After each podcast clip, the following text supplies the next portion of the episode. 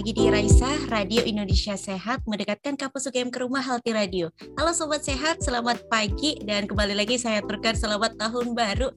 Ini suasana tahun baru masih euforianya masih terasa nih pagi hari ini. Dan kita jumpa lagi di Bincang-Bincang Santai Raisa Radio bersama dengan saya Galuh. Dan Sobat Sehat, selamat pagi untuk Anda yang mendengarkan Raisa Radio melalui platform aplikasi yang bisa Anda unduh melalui Play Store. Selamat pagi. Yang di Zoom juga selamat pagi. Semuanya selamat pagi. Dan Sobat Sehat, kita ketemu lagi pagi hari ini tanggal 4 Januari 2022 dalam Bincang-Bincang Santai. Di tahun yang baru tentunya kita dengan semangat dan juga harapan yang baru. Tapi pagi hari ini kita akan menengok di tahun sebelumnya. Kita akan mengupas tentang fenomena yang cukup hangat dibicarakan di tahun lalu yaitu tentang toxic relationship. Nah, kita akan bicarakan secara santai bersama dengan narasumber kami yang luar biasa, Mbak Restu Vistasari, Magister Psikologi, psikolog. Beliau dari Layanan Psikologi FKKMK UGM dan akan ditemani oleh Mbak Nadia Andita Yuda dari peer counselor layanan psikologi FKKMK UGM. Silakan sobat saya selama satu jam ke depan Anda menyimak dan boleh kalau nanti bertanya langsung silahkan. Baik kepada Mbak Nadia kami persilakan. Oke, terima kasih Mbak Galuh untuk waktu dan kesempatannya. Ini mungkin pertama kali juga Mbak saya ketemu sama Mbak Galuh. Salam kenal ya Mbak. Terima kasih juga untuk tim Raisa Radio UGM atas kesempatan yang diberikan. Saya izin menyapa Bapak Ibu semua yang sudah hadir. Teman-teman yang sekarang sedang mendengarkan siaran ini secara langsung. Selamat pagi juga Mbak Restu. Gimana Selamat pagi, Nat. Baik, Alhamdulillah. Udah sarapan kok. Okay, dari dari wajahnya memang cerah, Mbak. Jadi udah bisa ketebak sepertinya bahagia Mbak Restu hari okay. ini. Oke, okay, untuk sobat sehat di mana pun, uh, semoga dalam keadaan sehat secara lahir dan batin. Dengan tahun baru, semoga punya semangat dan resolusi baru juga pastinya. Oke, okay, uh, ada pepatah yang bilang ya teman-teman, tak kenal maka tak sayang gitu. Cuma kadang udah kenal juga belum tentu sayang nih Mbak. Waduh. Jadi saya mau izin untuk memperkenalkan diri terlebih dahulu. Perkenalkan nama saya Nadia Rita Yuda, teman-teman bisa memanggil saya Nadia. Saya mahasiswi jurusan S1 Gizi Kesehatan di FKKMK UGM. Saya juga bagian dari peer counselor di layanan psikologi FKKMK UGM dan pada pagi hari ini saya diberi kesempatan untuk menemani Mbak Restu berbincang-bincang salah satu topik yang mungkin Mbak Galuh bicarakan tadi hangat ya, uh, banyak dibahas di tahun lalu gitu. Hmm. Oke Mbak, uh, karena tadi udah kenalan nih Nadia, jadi Mbak Restu bisa juga untuk menyapa teman-teman yang lagi dengerin siaran pagi ini Mbak, monggo. Yeah Halo, selamat pagi uh, sobat sehat Raisa gitu ya. Ini juga pengalaman pertama saya untuk hadir di sini. Terima kasih juga buat Raisa yang udah ngajakin ya. Pagi-pagi kita udah ngob mau ngobrol nih topik yang menarik banget. Jadi seperti yang sudah tadi disampaikan sama Nadia sama Mbak Galuh, kalau saya Restu Pisasari, jadi salah satu psikolog gitu ya yang ada di layanan psikologi FKKMK gitu aja dulu kali ya. Terima kasih Mbak. Ini mungkin sama bulan kita terakhir ketemu. Oh, oh banyak kan lewat online ya. Iya, belajar terus, belajar terus gitu. Oke okay, Mbak, uh, mungkin langsung aja nih. Uh, pagi ini kita akan ngobrolin secara santai aja. Begalu hmm. juga tadi menyampaikan secara santai uh, tentang toxic relationship gitu. Ini tuh pembahasan yang sangat merakyat dan Betul. karena hmm. uh, erat banget dengan kehidupan kita. Hmm. Tapi saya kita masih mungkin kurang aware Mbak hubungan yang toxic itu seperti apa. Nah sebelum sampai ke sana mungkin aja akan tanya dulu ya mbak secara uh, relationship itu sebenarnya apa sih mbak? Maksudnya kita bisa melakukan kita punya hubungan sama orang itu kalau seperti apa gitu mbak? Oke okay, oke okay, menarik nih oke. Okay. iya uh, betul ya. Jadi pagi-pagi ini semoga nggak begitu berat ya ngebahas soal toxic relationship gitu ya. Nah jadi mungkin uh, betul kata Nadia tadi sebelum kita masuk ke arah sebenarnya toxic relationship itu apa mungkin kita perlu tahu dulu ya kenapa kok kayaknya penting banget tuh uh, kita akan ngebahas ini gitu. Karena kan sebenarnya uh, sobat Raisa gitu ya sobat sehat uh, bahwa kita tuh kan sebagai manusia itu salah satu kebutuhan dasarnya itu kan berelasi ya dengan orang lain gitu. Sebagai seorang uh, makhluk sosial gitu ya. Jadi itu meskipun ada yang suka bilang bahwa aku tuh orangnya individualis, pada kenyataannya kan tidak benar-benar begitu individualis gitu. Karena kan relasi itu tidak hanya sebatas uh, apa ya biasanya kalau kita ngomongin toxic relationship itu lebih ke arah orang-orang langsung berpikirnya misalnya pacaran gitu Padahal kan enggak enggak relationship itu tidak hanya sebatas itu, tapi juga misalnya nih hubungan relasi keluarga, terus juga relasi pertemanan gitu. Even kalau bukan uh, juga termasuk salah satunya adalah romantic relationship gitu, kayak pacaran sama gebetan gitu ya. terus uh, sebenarnya bukan hanya itu, tapi terkait juga salah satu uh, tipe relationship itu ada yang namanya acquaintances gitu kayak kita bisa ngobrol nih misalnya contohnya kayak kita lagi di bus gitu ya kita cuman kayak nyapa sekilas doang sama orang itu habis itu turun udah nggak ini lagi gitu jadi tuh bahkan ketika kita mengatakan bahwa kayak aku tuh orangnya cenderung individualis banget deh tapi itu sebenarnya pada kenyataan tidak benar-benar individualis karena kan kita memilih tuh kita tuh sekarang sedang berada di tipe relasi yang seperti apa gitu. Nah, apalagi misalnya nih kalau saya tidak tahu nih audiensnya paling banyak usia berapa tapi kalau misalnya ngelihat dia gitu ya beberapa mungkin mahasiswa kan paling eh, di Gen Z ya atau generasi milenial gitu kalau kita agak ngebahas soal teori gitu ya sedikit ya teori psikososial. Jadi setiap orang kan punya tugas perkembangannya masing-masing gitu ya teman-teman. Nah di di rentang usia 20 tahunan gitu tugas perkembangan psikososialnya itu adalah intimasi. Hubungan yang dekat, menjalin hubungan yang intim gitu ya dengan orang lain, entah itu di dalam lingkup keluarga, entah itu di dalam lingkup pertemanan atau hubungan romantis gitu. Jadi kalau di dalam teorinya gitu ya, ini agak enggak ya, intimacy versus loneliness gitu. Jadi kalau seseorang itu bisa mencapai itu punya support system yang bagus, dia punya tuh hubungan yang intim gitu ya, punya hubungan kualitas hubungan yang dekat. Tapi kalau enggak, dia akan merasakan bahwa adanya kak kesendirian, kesepian gitu. That's why mungkin di usia-usia rentang-rentang usia ini tuh wajar banget ketika kayaknya ngerasa galau, ngerasa bahwa tuh kayaknya overthinkingnya tuh terkait pertemanan, terkait dengan romantic relationship. Iya karena memang tugas perkembangannya lagi dalam masa-masa itu. Gitu. Cuman nanti kan yang akan ngebedain gimana tuh kualitas dari relasi yang mereka bangun yang kita bangun apakah sehat atau enggak atau apakah termasuk ke healthy relationship atau unhealthy relationship atau yang suka disebut-sebut dengan toxic relationship gitu kali ya. Oke, okay. menarik banget di sini. Hmm. Uh, uh, Mbak Restu tadi menyampaikan bahwa definisi hubungan kita membangun hubungan secara interpersonal dengan orang lain nggak sebatas romantis gitu ya mbak nggak sebatas sama pasangan gitu tapi yeah. juga dengan teman keluarga mm -hmm. itu juga uh, kita termasuk relasi uh, yang di di sini ada secara kualitas ada dua ya mbak berarti healthy mm -hmm. Relationship dan unhealthy relationship. Mungkin pagi ini kita akan bahas fokusnya ke unhealthy-nya yaitu toxic relationship gitu. Kita nanti akan banyak bahas mbak. Cuma mungkin di awal kita bisa samain dulu nih mbak persepsinya. Karena kalau kita ngomongin toxic relationship itu kan terlalu general gitu ya mbak. Jadi okay. kita bisa samakan dulu persepsinya di awal kita paham batasan-batasannya supaya bisa satu frekuensi juga mbak untuk pembahasan yeah. jadi ya hubungan kita bisa melabelkan hubungan toxic itu kalau kenapa nih mbak? Oke okay, oke. Okay.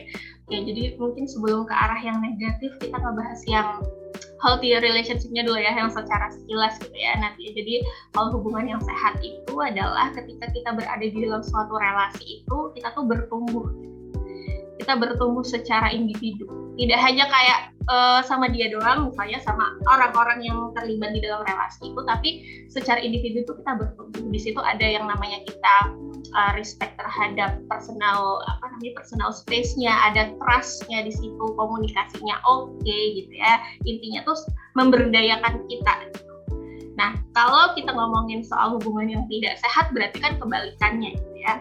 Hubungan yang misalnya nih salah satu contohnya ketika komunikasinya buruk gitu. Uh, ketika sifatnya itu tuh destruktif. Destruktif itu apa ya? Destruktif itu kayak menurunkan kualitas kita secara pribadi dan itu misalnya polanya itu berulang. Nah, jadi bukan hanya sekedar kayak oh, kayaknya dia marah marah deh teman aku nih gitu. Nah, terus kita ngelabelin bahwa kayaknya dia toksik banget. Kita kan sering banget ya untuk sekarang tuh uh, sering banget kita tuh pakai istilah dikit-dikit toksik. Padahal sebe sebenarnya jangan-jangan memang kita nggak satu frekuensi aja sama orang gitu. Jadi Maya nggak cocok gitu. Tapi jadi kadang-kadang kita terlalu cepat untuk memberikan label itu kan berat ya. Toxic itu kayak istilahnya kan beracun gitu ya. Nah, ya jadi makanya kita perlu hati-hati dulu. Jadi sebenarnya kalau untuk unhealthy relationship itu tadi tuh secara general adalah tadi hubungan yang justru malah dia destruktif dan dia tuh polanya tuh berulang terus kayak gitu. Gitu kayak udah jadi pola gitu Berarti berarti bisa disimpulkan sebenarnya hubungan yang sehat itu kalau kita bisa take and give gitu ya Mbak. Iya. Saling belajar untuk bertumbuh, untuk menghargai gitu ya Mbak. Oke, Oke, menarik benar. Jadi tadi itu ya teman-teman bahasanya uh, toxic relationship nggak nggak nggak boleh kita segampang baru per- pertama kali ketemu orang terus kita bilang kok dia toxic mungkin kita nggak satu frekuensi aja nggak klik Mm-mm, gitu ya. beda nggak klik beda gitu. Jadi nggak bisa terlalu mengeneralisasi juga di awal. Nah tadi juga uh, Mbak sampaikan kalau kita ngomongin masalah hubungan nggak cuma sama pasangan. Mungkin Nadia pakai istilah pasangan karena ada mungkin yang punya pacar, teman-teman yang uh, dengarkan sekarang mungkin ada yang udah serius punya tunangan atau mungkin Ya. udah punya pasangan teman hidup gitu ya. Jadi teman hidup. pakai- sabar Mbak. Oke oke. Jadi mungkin Nadia pakai istilah pasangan gitu ya Mbak. Nah, Ya. apakah dari berbagai macam hubungan kita sama Mm-mm. uh, orang lain itu juga ada kemungkinan untuk bisa toksik gitu mbak atau memang toksik itu hanya hubungan kita sama pasangan Oh iya, jadi eh, sebenarnya kalau hubungan yang tidak sehat itu tuh bisa sampai ke ranah mana pun sih, Nat. Jadi kayak yang kayak tadi misalnya nih kita berelasi sama keluarga atau bahkan misalnya kita berelasi sama teman pun juga kayak gitu gitu. Jadi kayak macam-macam gitu. Misalnya nih contohnya nih ya kalau misalnya di dalam keluarga sering banget nih ngedapetin eh, ketika kita ber- berharap bahwa yang namanya keluarga itu kan jadi safe place gitu ya buat kita. Tapi kenyataannya tidak semua orang mendapatkan itu. oke Iya nggak sih? Iya, benar, Mbak. Jadi eh, entah itu misalnya komunikasi dengan orang tua bermasalah gitu. Ada yang misalnya tiap hari itu misalnya berantem. Entah itu berantemnya kita ngelihat orang tua atau bahkan kitanya sendiri nih sama orang tua gitu. Atau justru merasa kayak tempat eh, ada yang dulu yang pernah bilang bahwa kok kayaknya kalau di rumah itu kayak cuman ngekos aja ya udah. Jadi interaksinya tuh cuman minimal oh masuk kamar kalau kuliah oh ya udah gitu. Jadi nggak nggak pernah ngobrol jadi nggak pernah tahu banyak gitu. Jadi itu juga gitu ya termasuk kalau misalnya kita ngomongin tentang orang tua adalah misalnya pola parenting yang misalnya sangat menuntut nggak mau ngedengerin nih anaknya tuh kayak gimana sih yang dia pengen gitu gitu ya. Jadi gitu. Nah tapi kalau terus itu mungkin kalau kalau akan akan lebih mudah kalau kita pakai contoh gitu kalian ya gimana tuh mbak contohnya Iya, misalnya. dikit-dikit. Nah, terus kalau misalnya kalau dalam konteks um, pertemanan nih, misalnya nih, kalau dalam konteks pertemanan tuh, saya salah satu contohnya itu adalah kayak bullying. Bullying itu juga termasuk unhealthy relationship gitu, atau toxic relationship. Gitu. Nah, jadi ketika misalnya nih kita di dalam suatu circle, kok kayaknya bercandaannya tuh yang jadi bulan-bulanannya cuma satu orang nih doang. Eh, sering Iya kan? ditemukan kok mbak. Sering ditemukan ya. Sama satu orang ini doang ketika dia meng- mengungkapkan menyampaikan pendapat bahwa oh aku tuh nggak suka loh gitu. Di kayak gituin bercandanya tuh kayaknya itu bikin aku tersinggung. Tapi justru teman-teman yang lain tuh bilang kayaknya lo cuman baper doang gitu. Kayak gitu doang kok kayaknya eh, tersinggung itu kan cuma bercanda gitu gitu gitu ya jadi itu juga termasuk. Atau misalnya kalau di dalam setting kelompok kerja ada salah satu yang kayak pengennya aku mendominasi aku yang ngerjain sendiri gitu. Satu yang lain merasa bahwa minder nih gitu. Kenapa kok kayaknya hmm, aku agak minder kalau misalnya satu kelompok sama dia tapi kita nggak bisa mengungkapkan itu gitu jadi itu pola yang di dalam hubungan itu ketika ada salah satunya ya power struggle di mana seseorang tuh pengen mendominasi berpikir bahwa kayaknya cuman aku doang nih yang perlu didengerin Oke. pendapat aku doang yang berharga. Nah, kalau di dalam setting romantic relationship ya rela- relasi romantis tuh misalnya contohnya posesif nih. Oh, pernah nggak Nah, menemukan itu gitu-gitu penyakit dan yang sering terdengar aduh nggak apa-apa Ah. posesif tuh tanda dia sayang ah gimana Iya. tuh, Mbak?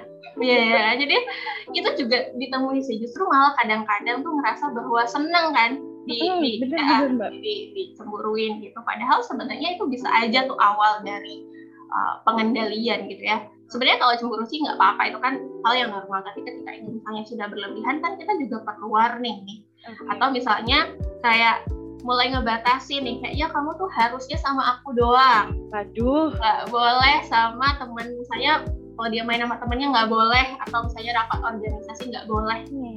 pokoknya 24/7 harusnya sama aku aja mulai ngebatasin. Misalnya padahal pacar kita ini gitu ya kalau kita ngomongin pacar kan dia tuh seseorang yang punya multiple rules ya. Even kita nih, kita juga kan Nat, gitu ya. Bahwa seseorang itu kan dia tidak hanya berperan jadi pacar kita, dia tuh juga mahasiswa yang punya tanggung jawab akademiknya, dia mungkin ketua organisasi, kadif atau misalnya yang dia juga punya tugas di situ atau dia sebagai anak, dia sebagai kakak. Jadi dia punya banyak peran. Jadi bukan cuman 24/7 harus sama kita doang gitu. Jadi ya itu tuh juga salah satu contoh ya mungkin ya. Oke oke siap mbak.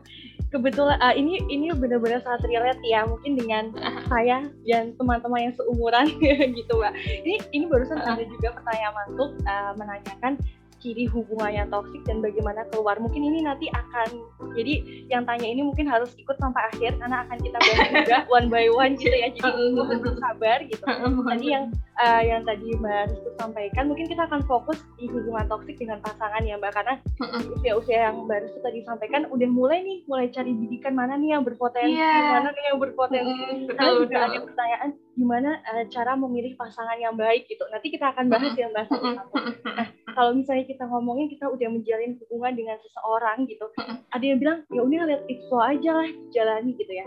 Tapi dalam proses kita menjalani gimana sih Mbak kita bisa notice, kita bisa aware dengan tanda-tanda yang oh oke okay, sepertinya hubungan aku terindikasi toksik gitu karena oh, okay. selalu menikmati itu tuh kadang membuat yeah. kita terlena gitu ya mbak betul ya. betul ya deh dijalanin mm -hmm. aja padahal mm -hmm. harusnya itu ada tanda-tanda untuk toksik mm -hmm. gimana sih mbak kita bisa notice ciri-ciri hubungan yeah. yang terindikasi toksik itu gimana?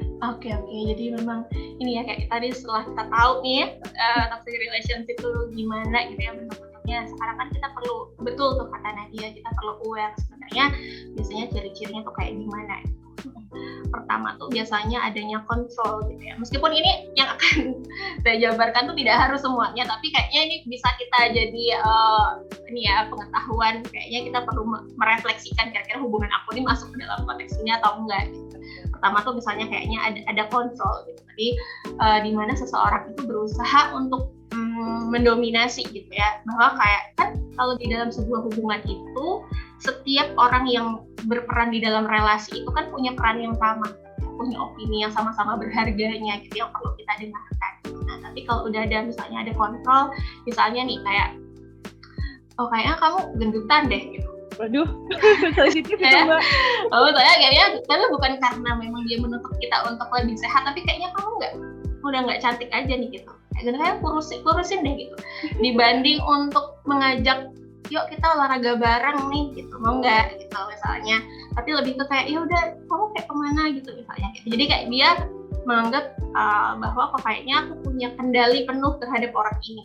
Jadi lo harus ngikutin gue nih gitu. sih terus misalnya yang kedua adalah hostility. Jadi itu lebih ke arah misalnya luapan emosi gitu. Konflik. Kalau ada konflik kan ada nih. Misalnya ada yang sampai kalau marah ketika dia marah tidak harus main fisik ya, tapi misalnya dengan kata-kata label-label negatif. Sebenarnya kalau kita ngomong relationship goals gitu ya, ada istilah ya, relationship yeah, yeah. goals itu tuh bukan berarti yang hubungan yang tanpa konflik, tapi gimana uh, kita itu bisa menyelesaikan konflik itu dengan baik. Nah, jadi karena kalau salah satu ini juga gitu ya di psikologi sosial itu ada yang namanya dialektika dialektikal relational gitu yang itu mengungkapkan bahwa ketika ketika kita tuh memang akan cenderung memiliki konflik dengan orang-orang yang dekat dengan kita gitu dan konflik itu nggak apa-apa gitu. sebenarnya wajar gitu ya wajar nah tapi kita perlu mere merefleksikan ulang kira-kira pun kalau konflik sama dia nih konflik-konflik yang kayak gimana terarah nggak gitu. apa hal-hal yang nggak penting aja bisa sampai bikin marah yang sampai uh, emosinya meluap banget sampai ada label-label negatif. Nah itu juga kita bisa perlu aware dengan itu. Oke. Okay. Nah terus misalnya ada dishonesty tentang ketidakpercayaan, misalnya tadi ya posesif harus yeah. uh, uh, harus lapor ya lagi ya, uh, uh, betul betul ngapain hmm, gitu. ngapain gitu. Terus misalnya ada dependence, aku tuh nggak bisa kalau nggak ada kamu gitu. Oh ya harus sama kamu terus gitu. Atau misalnya kalau dalam konteks pertemanan aku tuh harus sama circle ini terus nih. Nggak bisa kalau nggak ada mereka gitu. Pokoknya aku harus ngomongnya sama, sama ini terus gitu. jadi biasanya kadang-kadang akan ada konflik tuh. Misalnya tipe temen yang kadang-kadang aku nggak bisa kalau cuma sama temen sama satu orang doang. Aku tipe yang misalnya bisa main sama siapa pun. Sedangkan temen yang satu ini nggak boleh kamu mainnya sama aku aja gitu okay. kadang-kadang. Yang kayak gitu ya. Gitu. Itu okay, juga okay. itu juga bisa sih. Uh, terus misalnya ada intimidasi intimidating di situ juga. Atau misalnya kalau sampai marah ya ada ada kekerasan secara fisik gitu, gitu ya, abusive gitu. Itu mungkin salah satu ininya itu, ya itu salah banyak sih ya. mbak bukan salah banyak. Ya ya oke. Ya mbak bercanda ya. Oke oke. Berarti uh, kalau mungkin ya yang paling relate dengan teman-teman itu hubungan toksik salah satunya adalah ketika kita dituntut harus menjadi seperti apa yang dia mau. Tadi saya sempat intip ekspresinya Mbak Galuh waktu Mbak bilang, aku nggak suka kamu gendutan. Waduh, sepertinya ekspresinya ini agak punya ya Mbak. gitu. Jadi ketika kita dituntut untuk menjadi seperti apa yang dia mau gitu ya Mbak. Tanpa mengkomunikasikan balik ke kita gitu. Menurut kamu kayak gimana nih? Oke, okay, berarti emang diskusi itu penting ya Mbak. Betul. Misalnya pun kamu mau menjalani itu, itu inform concern gitu, nggak ada ya. yang uh, cuma satu pihak doang gitu. Oke, okay. oke okay, Mbak, itu kan tadi banyak ya tadi contohnya termasuk abusive juga, terus gimana salah satu mendominasi dan mungkin uh, pihak lain tuh merasa uh, dalam tanda kutip gitu dirugikan. Kalau kita ngomongin gitu ya, mungkin kita cari etiologinya atau akar penyebabnya gitu. Sebenarnya kenapa sih kita orang itu bisa jadi toksik untuk orang lain. Apakah memang mungkin ada background kalau kita ngomongin penyebabnya mungkin komplikated ya mbak. Karena mungkin ada pola asuh dari keluarganya lingkungannya. Tapi sebenarnya in general gitu yang paling sering ditemui kita jadi toksik untuk orang lain itu biasanya karena apa nih mbak? Oke oke. Menarik menarik. Jadi uh, ini ya berarti penyebab kenapa kok bisa terjadi gitu ya toxic relationship itu. Kadang-kadang tuh sebenarnya penyebabnya itu kompleks ya sama kayak permasalahan psikologis yang lain. Itu sebenarnya tidak ada penyebab tunggal tapi memang kompleks. Masalah satunya itu biasanya yang saya paling sering ditemui adalah gini. Kadang-kadang stimulus itu stimulus itu kan sifatnya netral ya. Misalnya nih kayak oke okay, aku mau uh, pergi sama temanku ya gitu. Stimulus nah tapi ada orang yang mengatakan bahwa oke okay, ya udah hati-hati. Ada yang kok kamu sama teman kamu terus main terus? Nih misalnya kayak gitu kan. Nah itu tuh kenapa kok ada respon yang berbeda nih stimulus yang sama tapi di di persepsi atau bah ya di persepsi sama uh, dua orang tuh yang berbeda gitu ya responnya beda. Nah respon itu sendiri itu dipengaruhi oleh pengalaman masa lalu. Katanya nah, sama kayak kita sebenarnya itu tuh konteksnya general juga gitu ya respon itu dan dipengaruhi di, dipengaruhi oleh pengalaman masa lalu.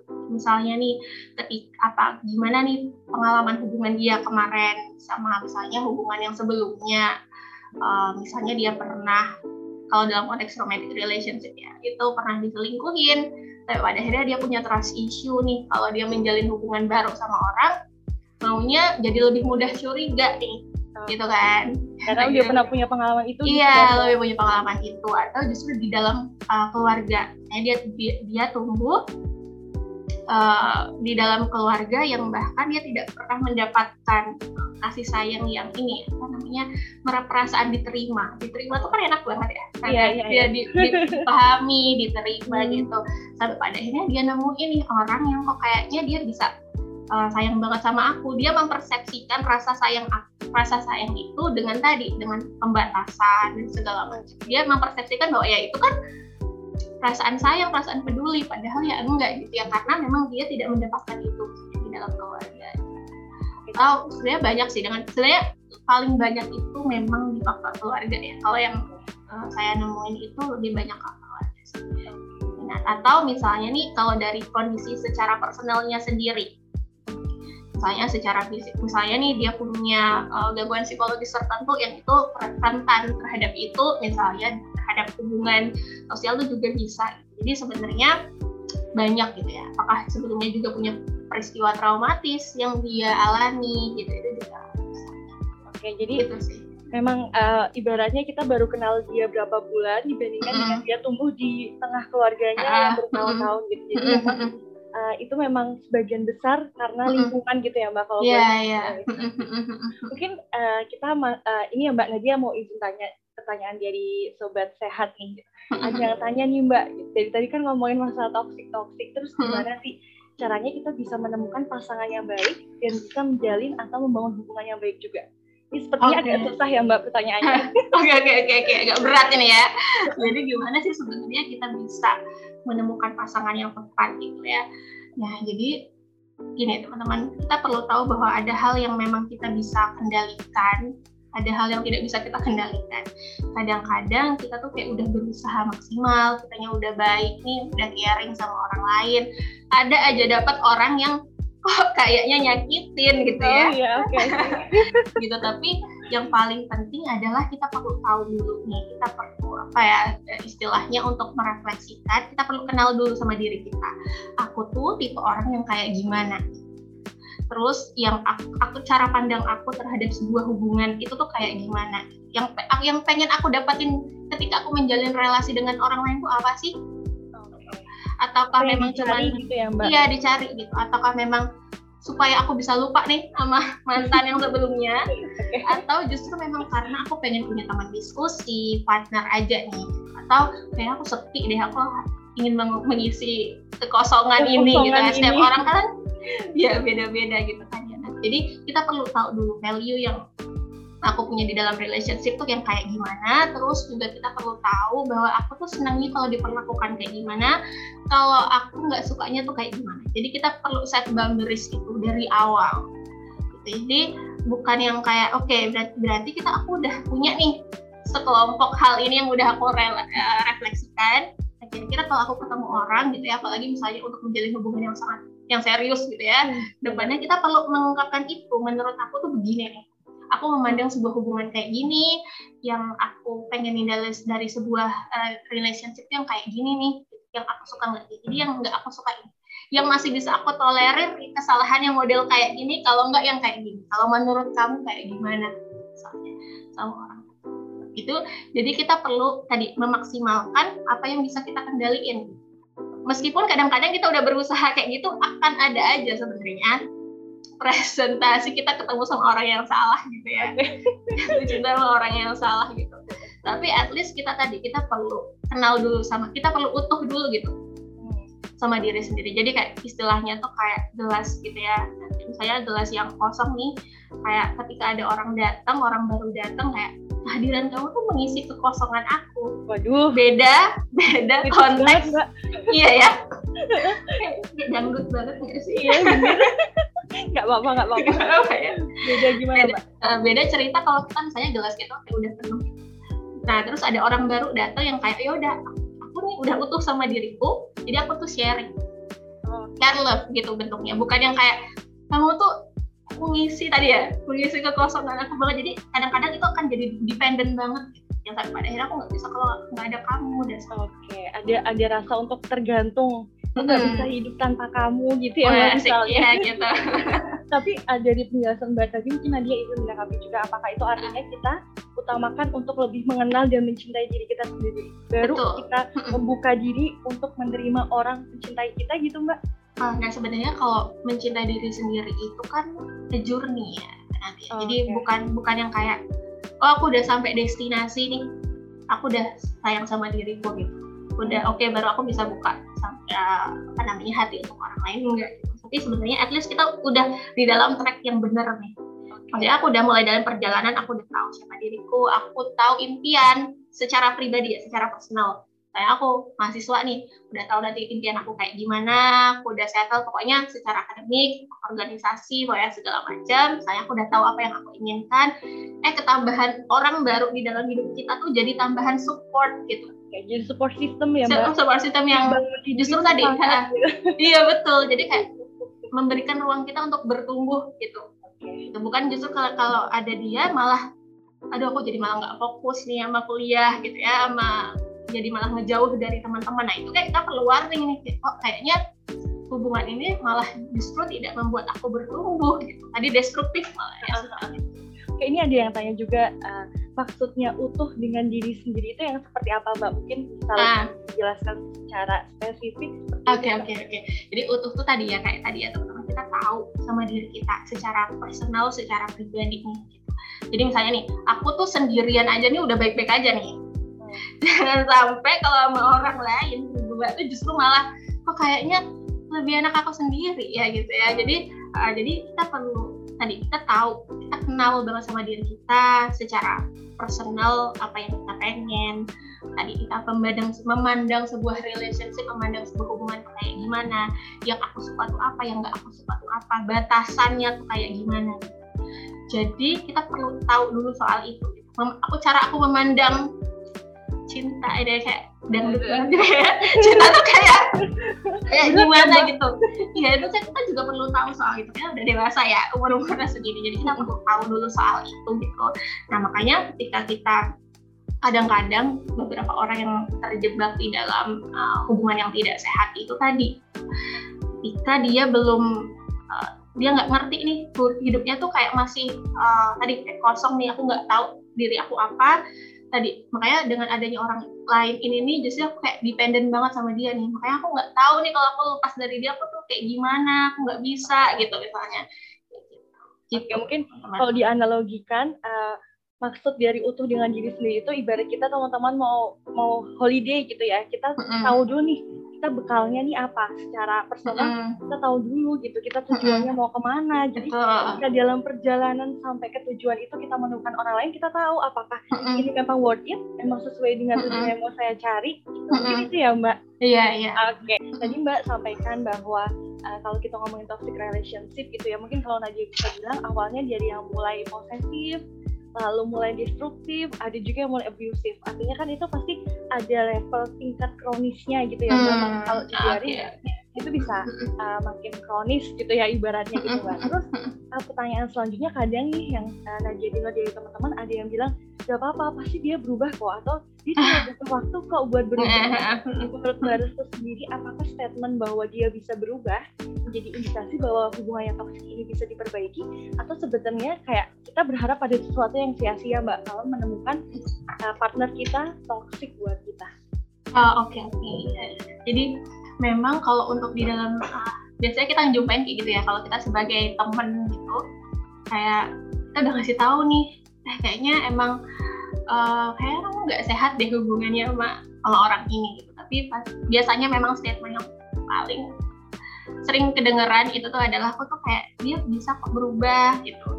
Aku kok bisa kok berubah dia gitu. Padahal sebenarnya gini kadang-kadang kalau kita ngomongin toxic relationship itu kita juga bisa ngebahas soal mani manipulatif gitu ya.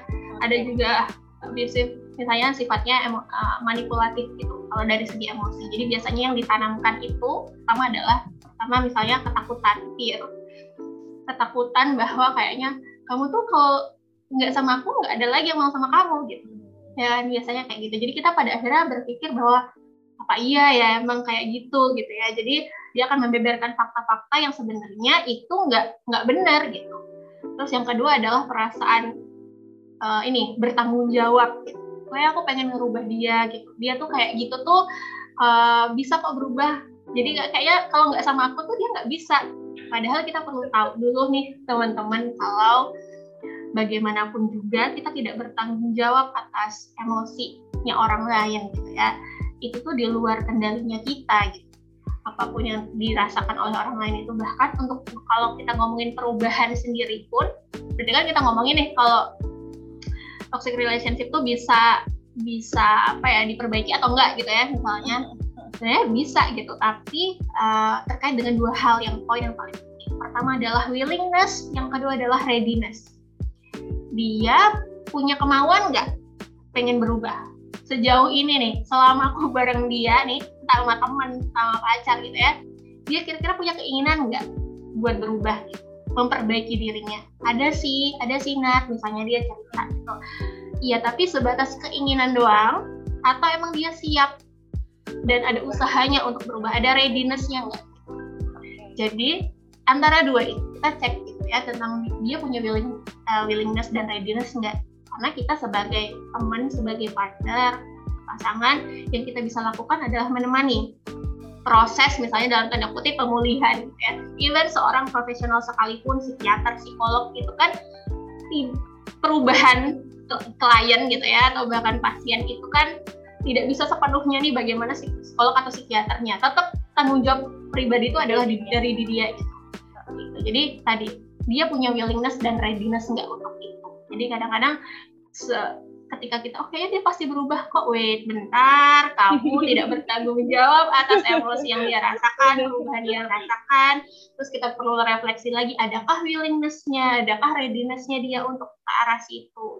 Jadi misalnya pun mau memberi kesempatan atau menunggu kita lihat dulu apakah partner kita emang mau untuk berjuang berubah gitu ya mbak Iya, nggak sebatas ngomong aku mau berubah tapi nggak ada Iya. actionnya gitu Iya ya Mbak? betul. Jadi nggak cuma sebatas willingness doang, tapi nggak ada readiness-nya. Percuma gitu. Oke, oke. Jadi sebenarnya bisa teman-teman, cuma coba untuk direfleksikan dan analisis lagi apakah memang dia hanya mau tanpa berusaha atau dia Hmm. memang punya kemauan untuk Ada. juga bersama-sama. Mm-mm. Gitu.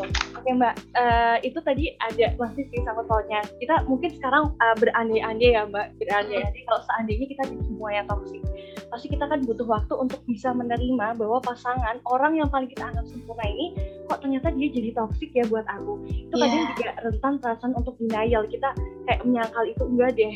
Kayaknya ini cuma sekali doang. Atau Betul. apalagi kalau lagi di masa yang sayang-sayangnya gitu Iya. ya indah indahnya terus rasa kayak aduh dia tuh dia klik banget sama aku nggak mungkin deh dia kayak gitu nah seandainya mbak kita udah ada di hubungan itu kita sadar bahwa hubungan kita toksik ada proses untuk penerimaan terus kita mesti ngapain mbak? Karena kan pasti tuh kayak jet lag ya kalau ngomong Iya. lagi indah-indahnya terus kayak waduh dijatuhkan gitu. Iya. kita mesti Oke, ngapain oke. mbak kalau kita menyadari hubungan kita ini udah mulai toksik Oke betul. Nah jadi memang kadang-kadang tuh ada dua tipe ya.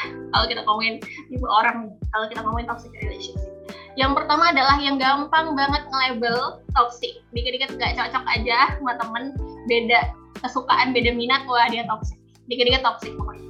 Yang satunya lagi nggak sadar kalau dia berada di dalam lingkungan yang toxic. toksik ya masih dalam proses denial enggak kok ini tuh cuma sekali doang enggak kok dia tuh nggak kayak gitu jadi makanya yang pertama perlu dilakukan adalah kita perlu mengakui dulu itu. Hmm. bahwa oh ini tuh menyakitkan loh. Ini tuh nggak enak loh gitu. Saya selalu pakai analogi gini.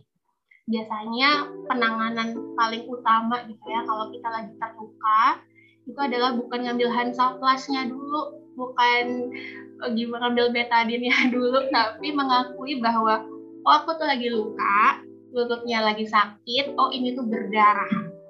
Karena mau sehebat apa pun dokternya kalau orangnya nggak enggak ini tuh nggak luka ini tuh nggak sakit ya percuma gitu.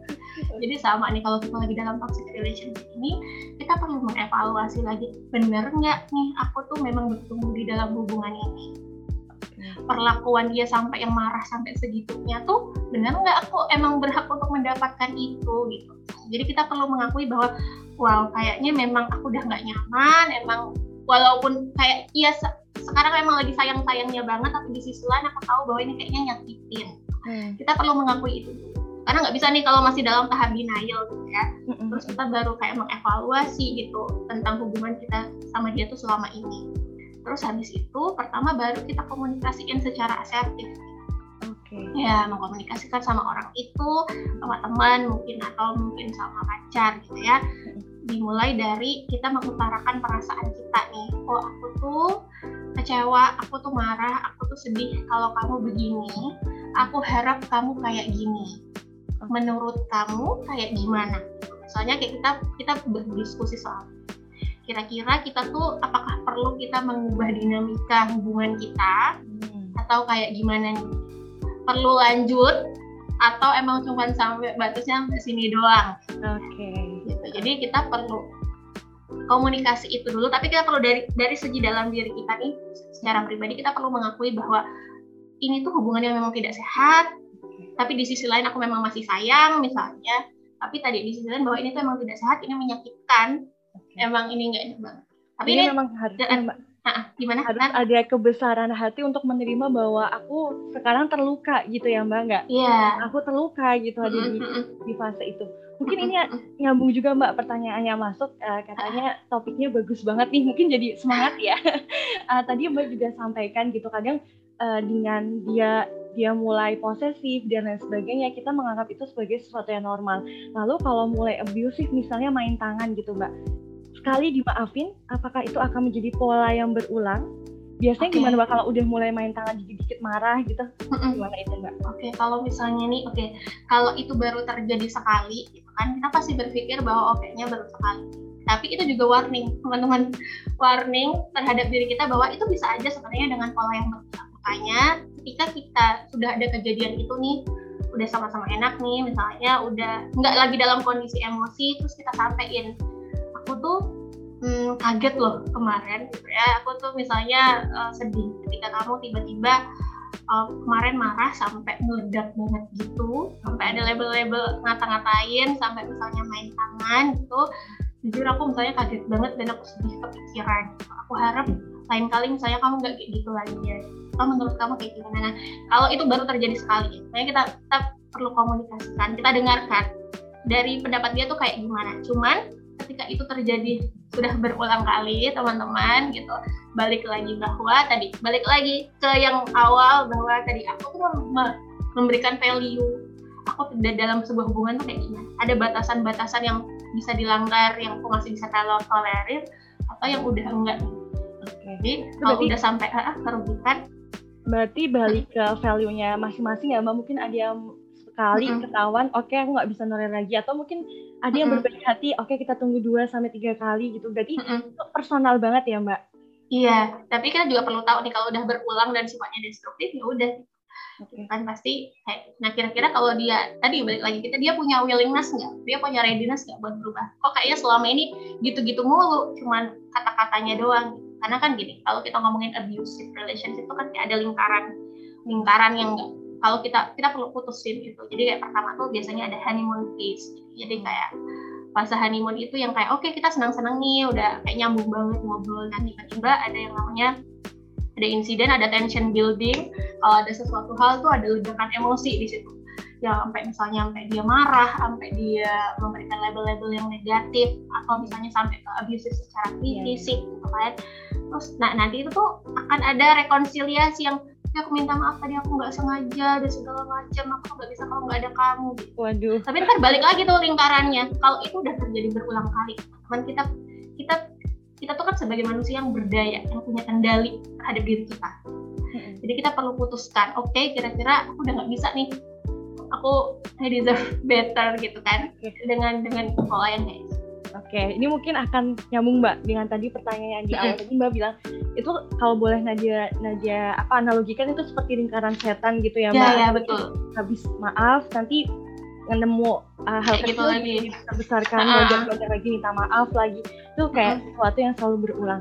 Jadi mbak sampaikan uh, kita sebagai seseorang ini berdaya kita bisa menentukan kapan kita mau berhenti karena kendali penuh ada di diri kita gitu. Tapi ngomong ya udah diputusin tuh kayaknya gak gampang mbak. Karena uh uh, yang yang selama ini ditemuin itu banyak alasan untuk mereka bertahan. Misalnya kayak oke okay, artinya kalau kita memutuskan hubungan sama pasangan kita harus membuka hati lagi dengan pola yeah. yang iya. sama mulai dengan orang baru dan itu melelahkan ada juga yang yang uh, beralasan kalau uh, udah terlalu nyaman gitu atau kayak Mbak yang tadi sampaikan kalau nggak sama dia nih nggak ada yang mau menerima aku nggak ada yang bisa yeah. aku sebaik dia ngertiin aku. Uh -uh. Terus gimana sih Mbak kita supaya bisa sadar dan punya keberanian untuk mengakhiri hubungannya uh -uh. toksik itu? Oke, okay. karena memang berat banget sih. Nah, jadi beberapa gitu ya untuk pola hubungan yang tidak sehat itu tuh memang susah banget untuk diakhiri gitu hmm. karena kan tadi udah melibatkan perasaan gitu ya karena kalau ini kalau di dalam salah satu psikolog namanya Guy Winch itu bilang kadang-kadang kalau kita di dalam fase patah hati patah hati itu kan nggak harus nggak harus putus ya. Yeah. patah hati itu ada yang namanya ideal idealizing proses gitu. Bagaimana kita menganggap seseorang itu sangat ideal nih yang baik-baiknya aja nih yang ingat nah, dia tuh kayak ini aku banget tuh padahal kita sampai lupa kalau dia tuh pernah sebegitunya memperlakukan kita gitu Nah, tadi kan juga salah satu emosi yang dimanipulasi ya di dalam hubungan yang tidak sehat itu adalah fear, itu takut. Itu ketika kita uh, dia bilang bahwa kayak nggak ada lagi yang mau sama kamu selain aku atau kita sendiri, kayak nggak ada lagi deh yang mau sama aku menerima aku apa adanya selain selain apa namanya selain pacar aku yang sekarang. Kita perlu tahu bahwa kamu juga dulu baik-baik aja loh sebelum ada sama dia. Hmm. Sebelum sama hubungan ini tuh lihat lagi seorang seorang aku yang dulu nih sebelum ada hubungan ini tuh kayak gimana? Apakah bertumbuh atau justru malah mundur? Atau misalnya nih nggak ada nih yang bakal bisa menerima aku apa adanya selain dia. Pasangan kamu yang sekarang pun juga tidak bisa menerima kamu apa adanya. Buktinya marah buktinya nggak tahu. Misalnya aku tuh punya jam kerja misalnya aku ada di kegiatan organisasi dia nggak bisa ngerti. Dia buktinya juga nggak bisa menerima apa bedanya gitu dengan kita ketika kita keluar pun kita masih punya change untuk ketemu dengan orang yang tepat gitu ya jadi kadang-kadang kita dimanipulasi sama pikiran itu Makanya ketika kita mulai ada pikiran-pikiran itu, kita bisa nih cerita sama orang atau bahkan mungkin kita bisa nulis. Misalnya nih, aku tuh kayaknya nggak bisa kalau nggak ada dia. Benarkah? Kita tanya kayak gitu. Kayaknya sebelum aku sama dia pun kayaknya aku masih nggak apa-apa, aku masih tetap bisa menjalani hidup aku uh, dengan oke okay, gitu. Berarti setelah itu ya mungkin akan proses tapi kan nggak apa-apa gitu. At least kita udah lepas sama ini. Oke, okay. mungkin kalau uh, boleh dianalogikan gitu ya, mengukur hadir kebahagiaan kita sebelum sama dia, apakah meningkat atau menurun gitu ya? Maksudnya, apakah kita malah jadi uh, ada keterbatasan untuk bertumbuh gitu ya karena mm-hmm. kalau menurut Nadia gitu ya mungkin Nadia mm-hmm. juga izin untuk berpendapat gitu ya mbak pasti boleh, boleh. Uh, kita mengenal dia tuh butuh proses jadi mm-hmm. kita lepas dan menjalani hari tanpa dia juga butuh proses. Nggak mungkin kan itu yeah. kayak kita bikin mie instan aja dia prosesnya. Yeah. gitu. Dan mungkin yang tadi mbak sampaikan uh, kenapa sih kita penting untuk bisa move on teman-teman? Karena uh, kalau menurut aku mbak setiap masa ada orangnya setiap orang ada masanya gitu. Jadi kalau misalnya kita terlalu stuck dengan satu orang itu udah nggak worth it ya nggak bisa uh, if sama kita itu sama aja kita menutup kemungkinan Betul. orang yang lebih baik datang ke hidup kita gitu ya mbak. Jadi pentingnya yeah. untuk move on. Iya iya. Karena ini ya Nat, karena ketika kita putus atau bahkan lepas dari sebuah hubungan yang tidak sehat itu memang menyakitkan itu karena mungkin orang lain akan berpikir ya elah putus doang gitu. Orang juga putus. Nggak kayak gitu gitu. Kita perlu memahami kondisi saya teman kita ini juga. Karena ketika kita menjalin hubungan sama orang lain tuh kan kita invest sesuatu ke dia gitu. invest harapan oh nanti aku ke depannya mau kayak gini sama temanku atau misalnya sama pacarku gitu invest emosi invest impian lah Nah tiba-tiba orang ini hilang kan dia hilang bersama impian dan harapan kita gitu ya. banget ya mbak. Gitu. Jadi ya emang seberat itu. Tapi pasti bisa ya mbak dibanding kita menghabiskan uh. waktu dengan hmm. orang yang nggak bisa take and give itu kayak yeah, macam menghabiskan waktu, ha, bukan ha. dengan orang yang tepat. Oke, mungkin uh, nanti izin bacain pertanyaan nih mbak di kolom tadi yang mau bertanya. Jika dalam hubungan tim kerja ada yang sudah tidak mau untuk menjalin hubungan lagi dengan anggota timnya, Nah, ini sebaiknya gimana Mbak cara kita untuk bisa menghadapi atau mungkin dari rekan kerjanya sendiri mesti gimana nih Mbak? Oke, kalau kita dalam konteks hubungan kerja gitu ya, kalau misalnya teman-teman tugas kelompok gitu, kalau nggak ada yang kerja, ya berarti tadi balik lagi kita perlu refleksi lagi nih komunikasi kita nih sama dia tuh kayak gimana. Hmm. Karena kan gini teman-teman, kadang-kadang manifestasi, uh, misalnya nih dia punya personal problem yang kita nggak tahu, ini yang kadang-kadang manifestasinya tuh justru malah ke kerjaan yang nggak beres ya misalnya. Nah kita perlu tahu dulu nih mungkin di dalam kelompok itu di dalam tim kerja itu kira-kira siapa nih yang paling deket sama dia gitu. Boleh approach dulu secara pribadi. Jadi bukan yang kayak oke okay, kita ngezoom bareng di sidang satu orang atau bahkan kita ketemu bareng gitu ya kayaknya nggak enak banget buat dia jadi misalnya di approach dulu sama siapa yang paling dekat terus misalnya ditanya emang ada permasalahan apa. Jadi lebih ke arah dianya bukan yang kok kerjaannya nggak beres? gitu. nggak tapi lebih ke oh mungkin kamu ada ada permasalahan apa ada problem apa kok kayaknya misalnya hmm, nggak hmm, datang nih misalnya pas rapat atau misalnya kerjaan ini ada yang kurang gitu. Mungkin kamu ada ada problem pribadi nggak? Oke, berarti kayak gitu perlu untuk kenal lebih dalam sebelum yeah. kita iya. memberikan personal treatment gitu ya mbak karena mungkin yeah. tiap orang beda ada yang kalau dibilang dengan cara lembut nggak pas harus agak dinaikin dikit volumenya jadi mungkin harus tanyakan dulu dengan orang yang paling dekat atau yeah. kita coba riset kecil-kecilan yeah, orang itu gimana sih betul. gitu ya, kita approach secara personal dan kita pikirin nih yeah. yang paling tepat itu apa. Gitu. karena tiap gitu. orang bakal beda gitu ya. Ya nah dia ini banyak pertanyaan ya mbak jadi uh, mungkin yeah, langsung. baca lagi gitu. Boleh, gimana sih mbak ciri orang yang bisa mencintai dirinya sendiri gimana nih? Oke, okay, wow. Ini tuh berat ya.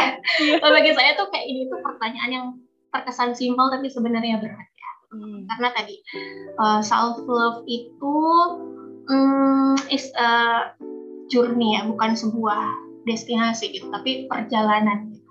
Nah, bagaimana seseorang yang bisa cinta sama dirinya sendiri? Ya pertama tadi kita tahu nih aku tuh tipe orang yang kayak gimana, kelebihan aku tuh strength yang aku punya tuh apa, weakness yang aku punya tuh apa? Nah kadang-kadang weakness atau bahkan misalnya kelemahan gitu ya atau kekurangan gitu kita tahu nih mana yang bisa di develop mana yang enggak. Misalnya nih aduh kayak aku kurang tinggi.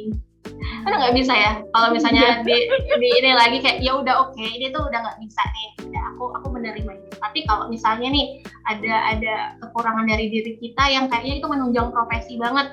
Misalnya nih sebagai seorang psikolog tapi susah nih kalau ketemu sama orang baru atau ngobrol sama orang baru nah wah nggak bisa nih aku harus nge-develop weakness aku yang ini gitu. Tapi ada juga weakness yang kayak kadang-kadang kita perlu ya udah terima aja emang aku kayak gitu. Hmm. terus uh, nah tapi self love itu kan juga bukan berarti kita egois ya. Saya nih contohnya sekarang kan lagi tren nggak sih net kayak healing healing gitu. Ah ya benar-benar di TikTok ya? Healing. Healing. Iya kan? Nah kadang-kadang tuh kita misalnya nih kayak oh aku di dalam kelompok nih misalnya ya kayak mbak siapa tadi yang nanya gitu. Aku tuh kan butuh healing makanya aku nggak nggak ini nggak kontak teman-teman yang lain gitu ya. Nah kita perlu tahu dulu jangan sampai dengan self love nya kita tuh ngerugiin orang. Hmm. jadi kita perlu kita perlu bilang misalnya sama teman kayaknya aku lagi stressful banget nih sama kondisinya aku kayak lagi burn out banget.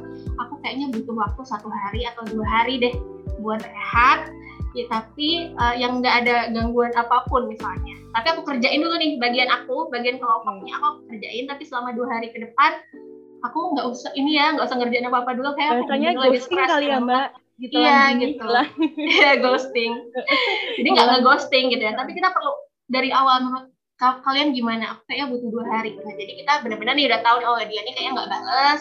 Uh, kalau dihubungin tugas kelompok ya emang tadi emang lagi dia perlu rehat bentar gitu ya gitu ya.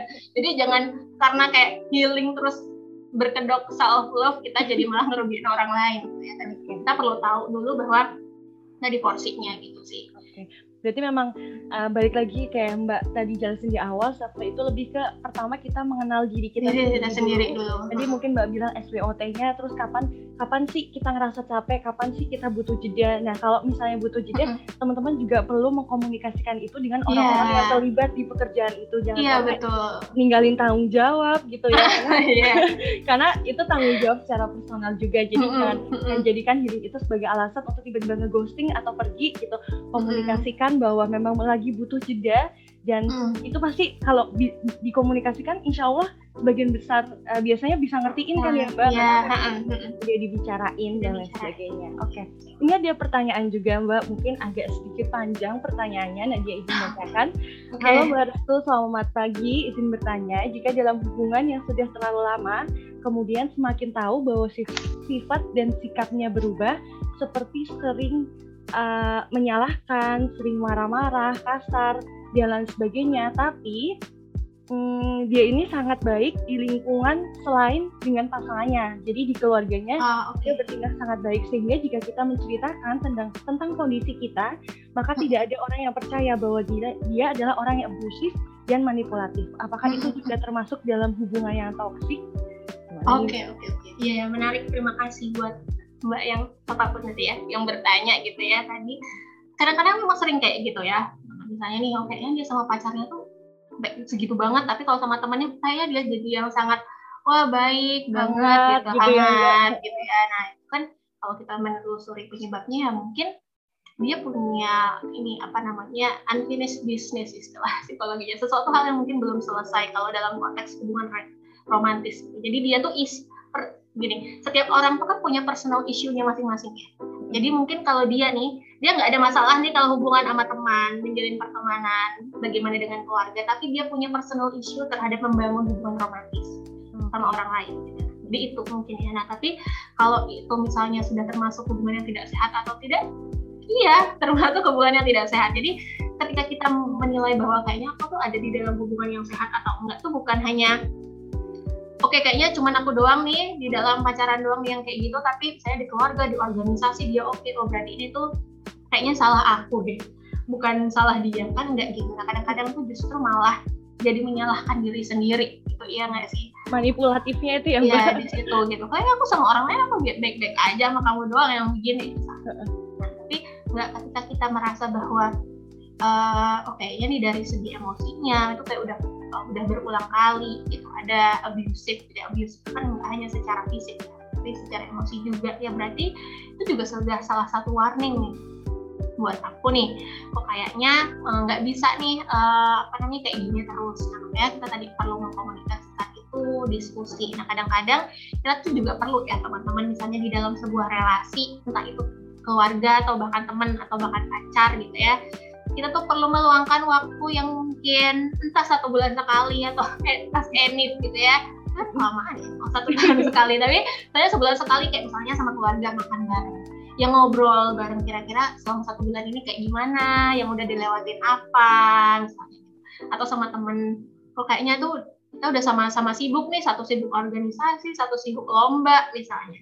Main yuk ke mana yang benar-benar kayak ngobrol bareng lagi sama kalau misalnya sama pacar juga kayak gitu diskusi. Kemarin selama sebulan ini tuh kayak gimana yang udah dilewatin apa yang kamu lewatin cerita yang mungkin belum kamu ceritain apa aku juga cerita. Aku sama kamu uh, biasanya tuh kayak gimana nih sejauh ini? Yang kamu suka apa yang nggak kamu bikin kamu nyaman tuh apa? Jadi kadang-kadang kita perlu punya momen itu sih. Okay. meluangkan meluangkan, nah, meluangkan waktu. ya mbak kayak quality uh, time benar-benar betul. mm-hmm. supaya semuanya juga keep in touch saling yeah. nyambung gitu ya. Yeah. ya. Jadi mungkin itu tadi yang yang bertanya mungkin bisa coba dikomunikasikan dulu, ditanyakan gitu apa yang memang bisa diperbaiki sama-sama gitu. Tapi juga tetap mm. harus kita notice kalau memang itu sudah berulang dan sepertinya nggak bisa ditolerir, mungkin harus punya keberanian untuk menerima dan mengakhiri itu gitu karena yeah. jalannya cuma itu kan ya mbak dibanding mm-hmm. balik lagi mm-hmm. kita menghabiskan waktu sama orang yang kurang tepat. Oke, okay. mungkin mbak uh, tadi kita kan udah berandai-andai ya seandainya kita ada di hubungan yang toksik, kita udah bisa mm-hmm. lakukan manajemen diri untuk mengatasi itu dan kita bisa keluar dari hubungan itu. Setelah keluar dari hubungan yang toksik, mungkin istilahnya kita punya cap sebagai korban toxic relationship. Oke. Okay. Nah, terus kita udah bisa move on, udah bisa lepas. Tapi kan uh, tadi Mbak juga sampaikan biasanya ada perasaan untuk takut memulai dengan orang baru, takut untuk percaya lagi, takut mengulang kesalahan yang sama. Nah, untuk kaum-kaum korban toxic relationship ini seharusnya apa sih Mbak yang bisa kita lakukan supaya kita bisa setidaknya lahir kembali sebagai seseorang yang baru yang siap untuk menjalin hubungan yang baru juga? Oke, pertama bahwa uh, aku kayaknya suara saya double gitu nggak sih kedengarannya? Ya, menggema nggak? Nggak ya? Aman kok ya, aman aman ya, ya, ya. oke jadi kita perlu menyadari bahwa yang namanya healing itu kan sebuah proses ya. Jadi nggak perlu kita cari buru-buru mencari pengganti. Kalau kita belum sembuh nih sama luka yang sebelumnya.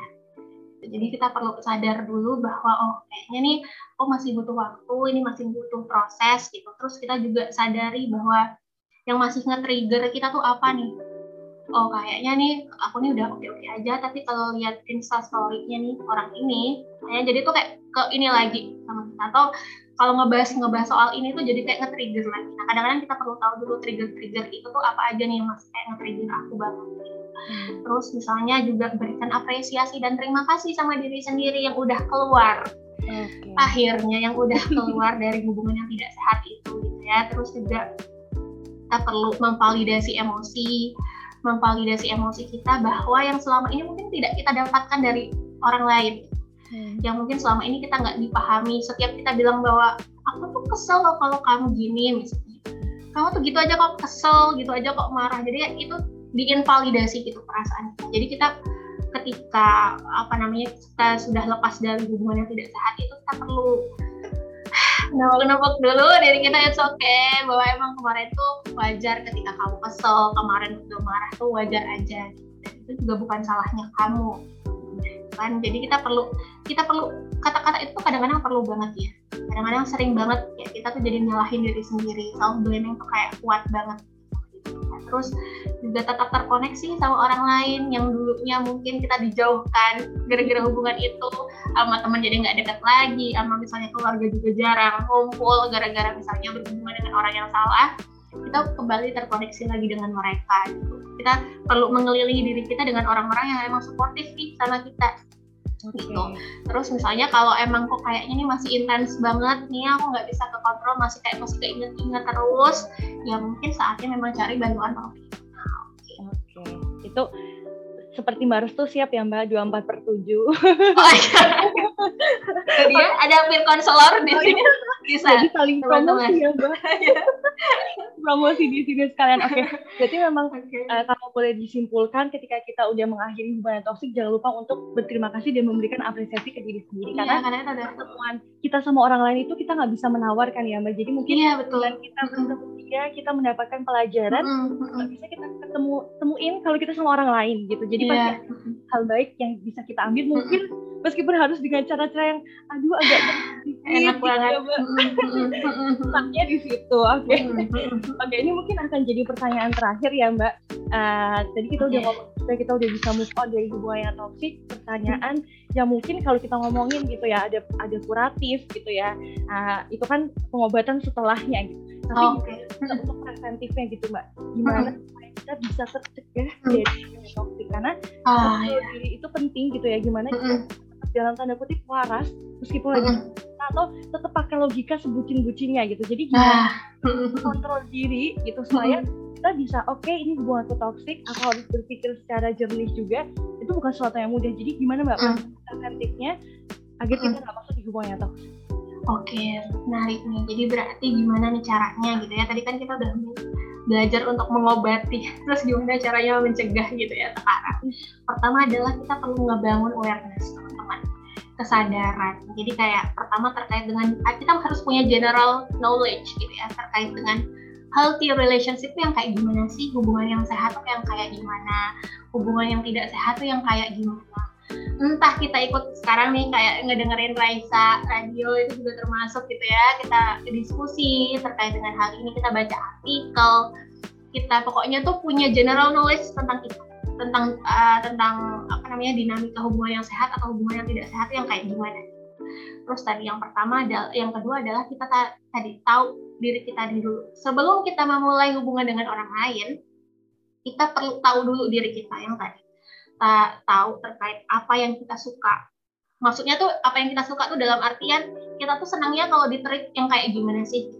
Yang nggak suka tuh yang kayak gimana? Yang kesalahan yang masih bisa ditolerir, yang sudah tidak bisa ditolerir itu yang kayak gimana? Cara aku memandang sebuah relationship itu yang kayak gimana? Yang aku cari di dalam relasi ini tuh apa? Entah itu pertemanan, entah itu misalnya pacaran, misalnya aku cari itu apa sih? Itu dulu juga gitu yang perlu ya teman-teman. Terus kita perlu balance juga nih antara ketika kita menjalin relasi dengan orang lain kita perlu setara. Setara tuh dalam artian opini aku sama opini kamu tuh sama berharganya. Jadi uh, bukan hanya opini aku doang atau bukan hanya opini kamu doang. Dan kita juga perlu menyadari bahwa setiap orang itu tuh punya minat yang beda nggak sama kayak kita. Ada yang suka drakor ada yang suka yang movie apa yang barat gitu ya misalnya. Bukan yang kayak ya lah kamu korea koreaan mulu gitu. Toxic banget sih. Iya kan setiap orang punya minat yang beda. Ada yang suka sepak sepak bola misalnya. Nah kita perlu menyadari itu setiap orang tuh punya minat yang beda. Dan kita perlu latihan teman-teman juga untuk uh, melatih yang namanya komunikasi asertif kadang-kadang ketika kita kenapa ketika kita mengungkapkan pendapat atau bahkan uh, pendapat sama orang itu justru malah diterimanya tidak baik ya karena kita terbiasa mendem. Keluarnya nanti pas lagi berantem mama sih uh, udah nggak perhatian lagi sama aku misalnya. Jadi karena selama gitu ini ya, iya meledak meledak pada saat lagi debat di situ semuanya. Dari yang kemarin-kemarin yang dipendam gitu atau misalnya sama teman jadi makanya kita latihan untuk ketika emang lagi dalam kondisi yang gak nyaman atau lagi pengen nyampein apa kita latihan untuk tadi asertif diawali dengan aku I statement. Bukan kamu tapi aku. Aku merasa ini karena kamu gini aku harapnya begini misalnya. Jadi sudahi kode-kode. Teman-teman yang sekarang yang suka kode-kode siapa? Yang suka silent treatment. Ya sudah ya. Jadi itu tidak itu juga salah satu tanda hubungan yang tidak sehat itu juga. Terus yang terakhir adalah sadari bahwa kamu selalu punya pilihan. Kadang-kadang kita berpikir bahwa oke aku nggak ada pilihan lain. Makanya aku stuck di sini. Enggak kamu stuck di situ pun itu sebuah pilihan. Dan kita harus tahu gitu konsekuensi positif dan konsekuensi negatifnya apa. Oh kalau konsekuensi positif ya aku nggak akan kehilangan dia. Tapi ke konsekuensi negatifnya ya aku jadi malah di, di ini disakitin terus gitu kan. Tapi kalau aku lepas dari dia konsekuensi positifnya apa? Oh aku jadi lebih tenang, nggak ada yang nyakitin. Konsekuensi negatifnya ya kehilangan. Nah tergantung dari dua pilihan ini kira-kira nih, yang sekiranya punya fungsi untuk memberdayakan kita tuh yang mana? Nah jadi kita perlu, jadi kita sadari bahwa kita selalu punya pilihan. Hmm. Oke okay, mbak, menarik banget ya. Jadi memang pertama harus bisa mengenali diri sendiri dulu gitu ya dalam prosesnya kita bisa melihat apakah pasangan kita uh, bisa menjadi partner untuk saling bertumbuh saling support atau uh. terkesan membatasi kita dan jangan uh -uh. takut untuk mengakhiri karena kita yang punya pilihan gitu ya. Mm -hmm. Tadi pertanyaan Mbak Mbak Restu tuh retoris banget gitu pilihan mana yang uh, memberdayakan. Tapi ingat teman-teman, semua pilihan itu ada risikonya gitu ya. Betul. Sebagai Mbak juga yang pihak uh, profesional nggak pernah memaksa untuk harus ambil ini gitu karena itu hidup yang bersangkutan juga. Betul. Nah, kita di sini memberikan apa ya mbak semacam uh, saran gitu untuk menjadi bijak gitu dalam menjalani hubungan. Gitu. Karena mungkin mbak gitu ya kalau misalnya diterusin bisa sampai isya kali ya. Menarik ya Nat soalnya. Ini karena ada keterbatasan waktu jadi mungkin yang terakhir uh, apa closing statement yang ingin Mbak Restu sampaikan untuk teman-teman yang ah. sekarang tentang toxic relationship ini, Mbak? Hmm.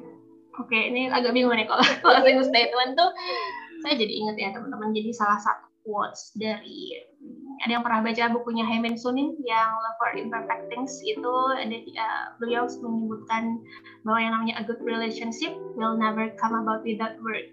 Jadi yang namanya relasi yang sehat itu yang diusahakan nggak cuma terjadi begitu aja jadi diusahakan dan tergantung pihak yang mengusahakan ini dua belah pihak ya jadi makanya kita perlu lihat itu apakah kita punya willingness dan readiness untuk itu. Jadi perlu punya kesadaran penuh gitu ya teman-teman untuk nge-scan. Kadang-kadang kira-kira nih sekarang tuh aku berada di hubungan yang sehat atau enggak sih? Lebih ke arah situ. Dan berusaha untuk saling hmm, apa ya namanya belajar satu sama lain gitu ya di dalam hubungan kita karena tadi hubungan yang sehat hubungan yang baik itu tuh adalah tadi ketika pihak-pihak yang berada di dalamnya tuh saling berusaha satu sama lain untuk membangun hubungan Oke, menarik. Jadi yang perlu diingat hubungan yang sehat itu hubungan yang diusahakan gitu ya, Mbak. Iya, Semua elemen yang ada di dalamnya itu saling kontribusi untuk berusaha, bukan berusaha. cuma usaha terus mm -mm. kamu nonton aja gitu. Iya. Yeah. Ngapain itu? Oke, ini mungkin uh, terima kasih ya Mbak Rusu pagi ini hmm. menemani kami untuk berbincang dan memberikan insight baru. Nadia juga jadi banyak belajar gitu hmm. tentang apa yang tadi Mbak Rusu hmm. sampaikan. Mungkin ini juga bisa menjadi pesan untuk teman-teman yang sedang mendengarkan di luar sana ini bisa jadi bekal ilmu untuk teman-teman yang mau memulai hubungan, bisa juga sebagai cara reminder untuk yang mungkin sekarang lagi menjalani hubungan ya Mbak, mulai mm -hmm. dicatat, terus lebih peka lagi di notis ini uh, ada arah ke situ dan mungkin mm -hmm. cara untuk yang korban toksik ini bisa move on dan berani untuk membuka hati serta percaya lagi dengan orang yang baru gitu. Buat itu terima kasih untuk waktu. Terima kasih juga Nadia buat teman-teman juga terima yang udah sharing. kesempatan ya Mbak. yeah. Sehat selalu pokoknya semoga yang dengerin ini bisa bilang bye bye toxic relationship itu ya Mbak. Oke, okay. terima Thank kasih. you, terima kasih semuanya. Terima kasih Mbak. Uh, saya Nadia selaku moderator pada pagi hari ini pamit undur diri. Mohon maaf jika ada tutur kata yang kurang berkenan. Semoga kita bisa bertemu di lain kesempatan dan semoga teman-teman di mana pun tetap bisa menjaga kesehatan baik fisik dan mentalnya. Dan semoga ilmu yang diberikan ini juga bisa bermanfaat untuk kita ke depannya. Sekali lagi terima kasih untuk tim Raisa Radio UGM ya, terima kasih. Katanya. Mm-hmm. Nah, saya kembalikan ke Mbak Galuh. Terima kasih. Wassalamualaikum warahmatullahi wabarakatuh dan selamat pagi. Terima kasih banyak Mbak Restu dan juga Mbak Nadia. Sobat sehat pasti pagi hari ini senyum-senyum gimana gitu ya. Seru banget karena obrolannya ini pengen dilanjutin kayaknya perlu ada episode setelah ini ya Mbak Restu dan juga Mbak Nadia. Terima kasih banyak atas ilmunya Mbak Restu, Mbak Nadia. Banyak sekali yang bisa kita ambil insight-insight baru pagi hari ini Sobat Sehat. Terutama tadi yang poinnya adalah menurut uh, kalau ini keberanian untuk mengakui menerima dan juga mengungkapkan. Itu adalah suatu bentuk untuk memperjuangkan kebahagiaan diri kita gitu ya Mbak Restu dan juga Mbak Nadia. Terima kasih banyak. Semoga lain waktu bisa jumpa lagi mampir lagi di Raisa Radio ya Mbak Restu dan juga Mbak Nadia. Ya terima kasih Mbak. Sehat selalu sukses selalu. Izin dan izin buat live ya Mbak Silakan. Oh ya, oke. Okay. Demikian sobat sehat untuk Anda yang mungkin dari tadi belum nongkrong dari awal, pembahasannya bisa Anda nikmati kembali di Spotify-nya Raisa Radio di Raisa Radio Indonesia Sehat. Terima kasih banyak sobat sehat. Saya Galuh mohon pamit undur diri. Mohon maaf apabila ada kesalahan pada saat acara berlangsung. Selamat melanjutkan aktivitas dan sampai jumpa. Wassalamualaikum warahmatullahi wabarakatuh.